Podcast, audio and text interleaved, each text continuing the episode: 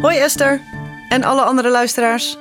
Welkom bij Succes is voor Losers, een podcast die helpt om je met het absurde te verzoenen.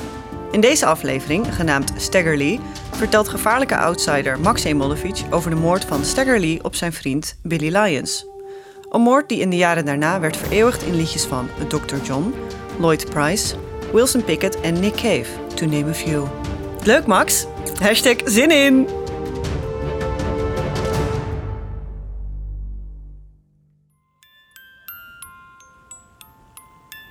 Het is kerstavond 1895.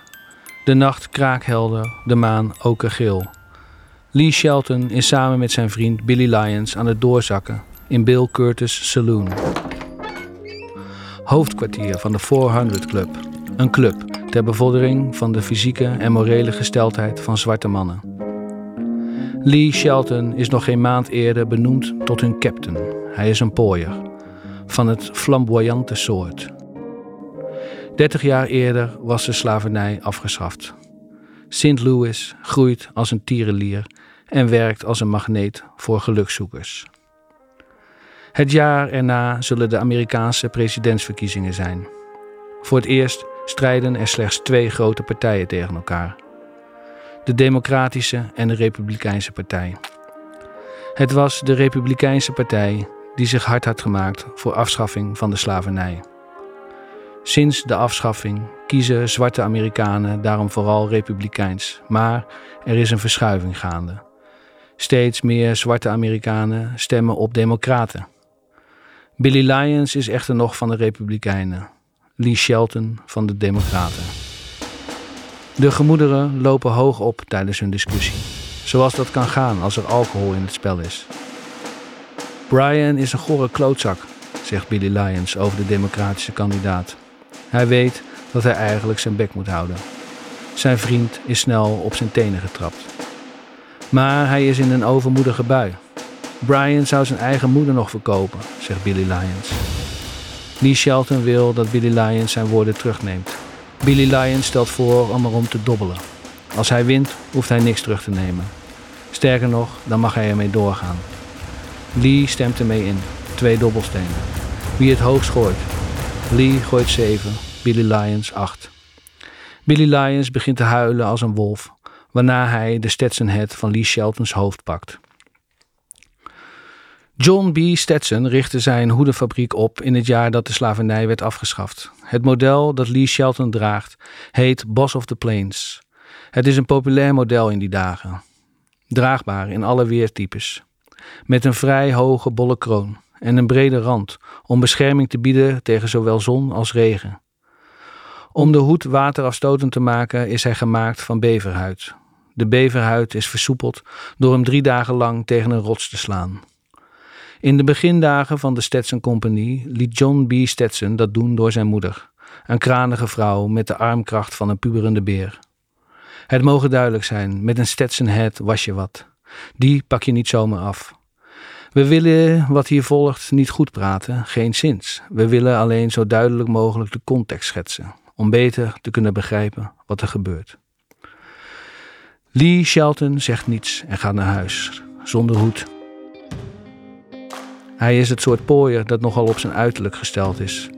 Heeft zich aangesloten bij de Max, een groep waarvan de leden er altijd tot in de puntjes verzorgd uitzien. Strak in het pak, shiny shoes en een fraaie hoed. De hoed vormt het sluitstuk. Lee Shelton woont een paar straten verderop, nog bij zijn moeder. Hij loopt naar binnen. Zijn moeder is nog wakker. Waar is mijn punt 44? zegt hij. Weet ik veel waar je punt 44 is, zegt zijn moeder. Leer verdomme toch je rotzooi eens op te ruimen. Lee rent naar zijn kamer, trekt een la open en ziet daar tussen zijn sokken zijn punt 44 liggen. Terwijl Lee Shelton naar huis is, pronkt Billy Lyons in de Bill Curtis Saloon met de hoed van zijn vriend. Eerlijk gewonnen, zegt hij, waarna hij Lee Shelton begint na te doen door met een piepstemmetje te zeggen dat hij zijn hoed terug wil. Precies op dat moment staat Lee Shelton achter hem. Zul je altijd zien. Klassiek momentje. Lee Shelton wil dat Billy Lyons zijn hoed teruggeeft. Billy Lyons weigert. Lee Shelton haalt zijn punt 44 uit zijn zak en richt hem op zijn vriend. Billy Lyons begint te lachen. Lee Shelton verkrimpt geen spier. Het lachen van Billy Lyons wordt wat minder overtuigend, totdat het verstomt. En terwijl zijn lachen verstomt, zijgt Billy Lyons door zijn knieën. Hij haalt de Stetson van zijn hoofd en reikt hem naar Lee Shelton. Die spant de hamer van zijn pistool en brengt de loop tot onder de neus van Billy Lyons. Op zo'n manier dat Billy Lyons zich gedwongen voelt om overeind te komen. Please, Lee, zegt Billy Lyons. Ik heb drie kinderen en mijn vrouw is ziek. Maar Lee Shelton blijft zijn vriend strak aankijken. Ik had die hoed vanmiddag gekocht, zegt hij. Please, Lee, zegt Billy Lyons nogmaals. Waarna Lee Shelton, alias Stagger Lee, zijn vriend door zijn hoofd schiet. De kogel vliegt via de neus door de hersenpan heen en schiet een whiskyglas aan flarden dat op de bar stond. Of het nu wel overwogen of in een opwelling was, doet er eigenlijk niet zoveel toe. Billy Lyons was dood, neergeknald door Stagger Lee, die zijn hoed uit de levenloze handen van zijn vriend pakt. Hij zet de hoed op zijn hoofd en loopt de zaak uit. Het is nog steeds een heldere nacht. Een bulldog begint te blaffen als Stagger Lee langsloopt. Een Christmas carol zingt Silent Night. Even later, een paar straten verderop, terwijl hij staat te praten met een paar collega-pooiers, wordt Stagger Lee omsingeld door de politie. Een functie die ooit in het leven was geroepen om weggelopen slaven te vangen. Die functie hadden ze niet meer, maar de politie laat de kans om een zwarte te grazen te nemen niet zomaar lopen. Dus zodra Stagger Lee een verdachte beweging maakt, schieten ze hem neer. Ze laten hem voor dood achter in het stof van de laat 19e eeuwse straat. De bladeren vallen van de bomen op zijn bloedende lichaam. De vrienden van Stagger Lee dragen hem naar huis, waar zijn moeder zich over hem ontfermt. Zeven dagen en zeven nachten verzorgt ze haar zwaar gewonde zoon. Ze vraagt aan de dominee of hij voor haar zoon wil bidden.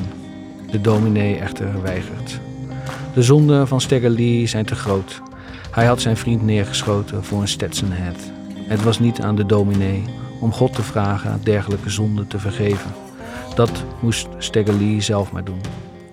Maar Stagger Lee is niet bij zinnen. Die ligt in een coma. Net als God. God gaf niet thuis. Waarna de moeder van Stagger Lee zich tot de duivel wendt.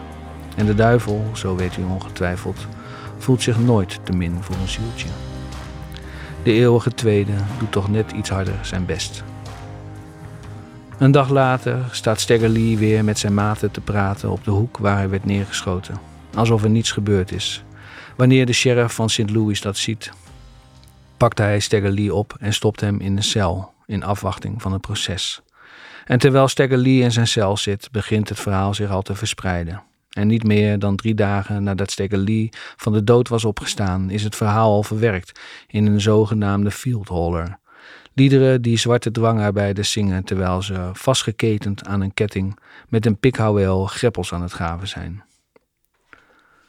Stagger Lee krijgt van zijn democratische vrienden een advocaat toegewezen, de lelieblanke Nathaniel Dryden. De eerste witte advocaat die het in de staat Missouri voor elkaar had gekregen om een witte man veroordeeld te krijgen voor de moord op een zwarte man. Dryden zegt in zijn pleidooi dat het zelfverdediging was. De jury komt er niet uit. Ondertussen spreidt het lied over Stagger Lee zich uit als een veenbrandje. De allereerste uitvoering waarvan we weten dat hij heeft plaatsgevonden, wordt op 21 augustus 1897 uitgevoerd door professor Charlie Lee, alias de Piano Thumber. Vijf dagen later sterft de aan verslaafde Nathaniel Dryden tijdens een drinkgelag. Op 7 oktober van dat jaar vindt de tweede zitting plaats en wordt Stagger Lee onder het toeziend oog van rechter James E. Withrow veroordeeld tot een gevangenisstraf van 25 jaar. Terwijl Stagger Lee zijn tijd uitzit in de gevangenis, komen er steeds meer uitvoeringen van The Ballad of Stagger Lee. Opnameapparatuur bestaat er nog niet en lang niet iedereen kon lezen of schrijven. Muzikanten moesten het van hun oren en geheugen hebben. En zo ontstonden er al snel verschillende versies. De naam van het café, de reden van de ruzie, de plek van de moord. Het kan allemaal naast elkaar blijven bestaan. Soms wordt Stagger Lee opgehangen, soms neergeschoten door de politie. Soms betreedt hij de hel en neemt hij de leiding van de duivel over.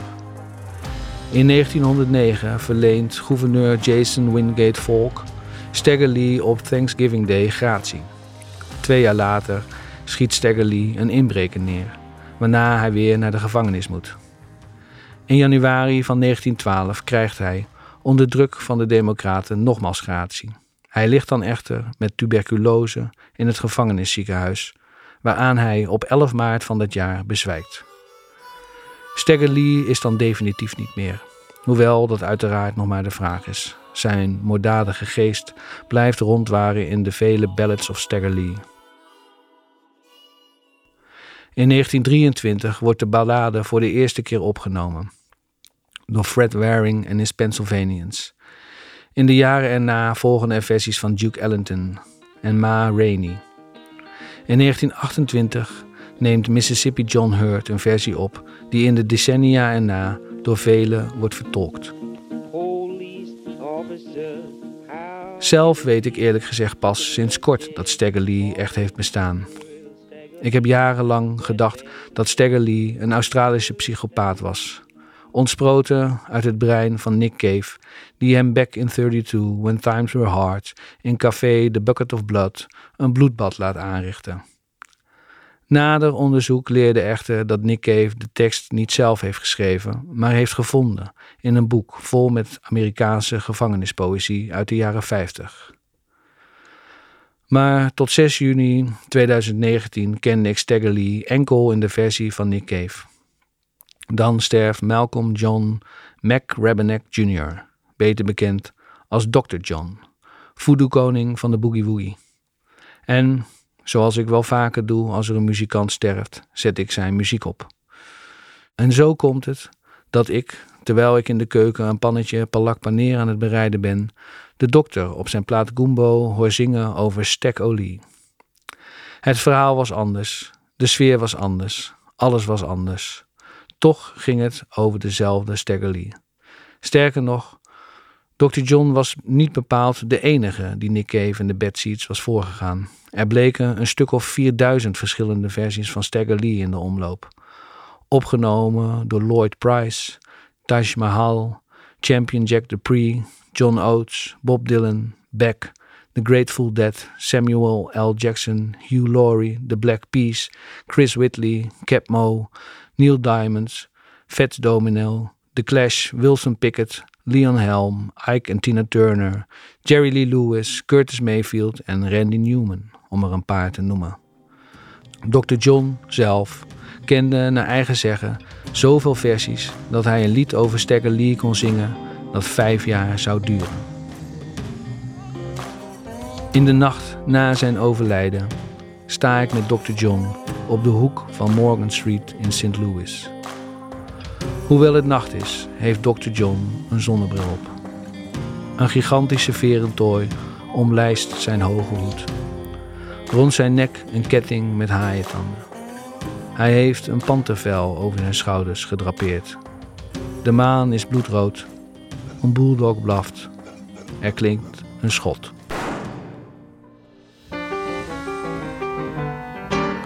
Stagger Lee schoot Billy Lyons.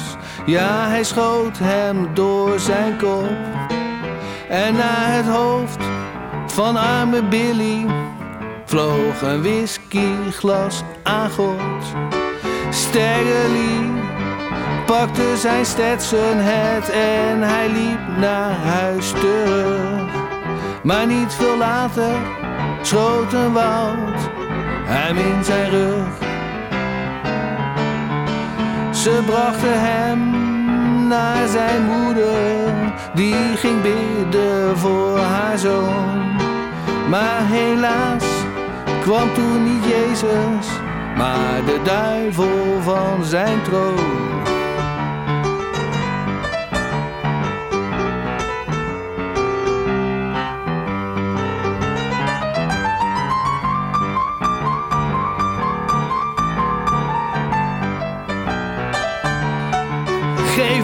Ziel, zei toen de duivel, dan breng ik je naar de top. Maar Stengelie pakte zijn gun en schoot de duivel voor zijn kop. Toen Staggerly stierf aan de tering, ging hij rechtstreeks naar de hel. En daar zat toen niet de duivel, maar Billy Lions, weet je wel. Hij zei, Lee, kom bij me zitten, wat ben ik blij dat jij er bent. Het is hier godverdomde heet, maar het went. En zo verging het, Billy Lions. En zo verging het Staggerly. Verenigd in de dood. En vereeuwigd in dit lied.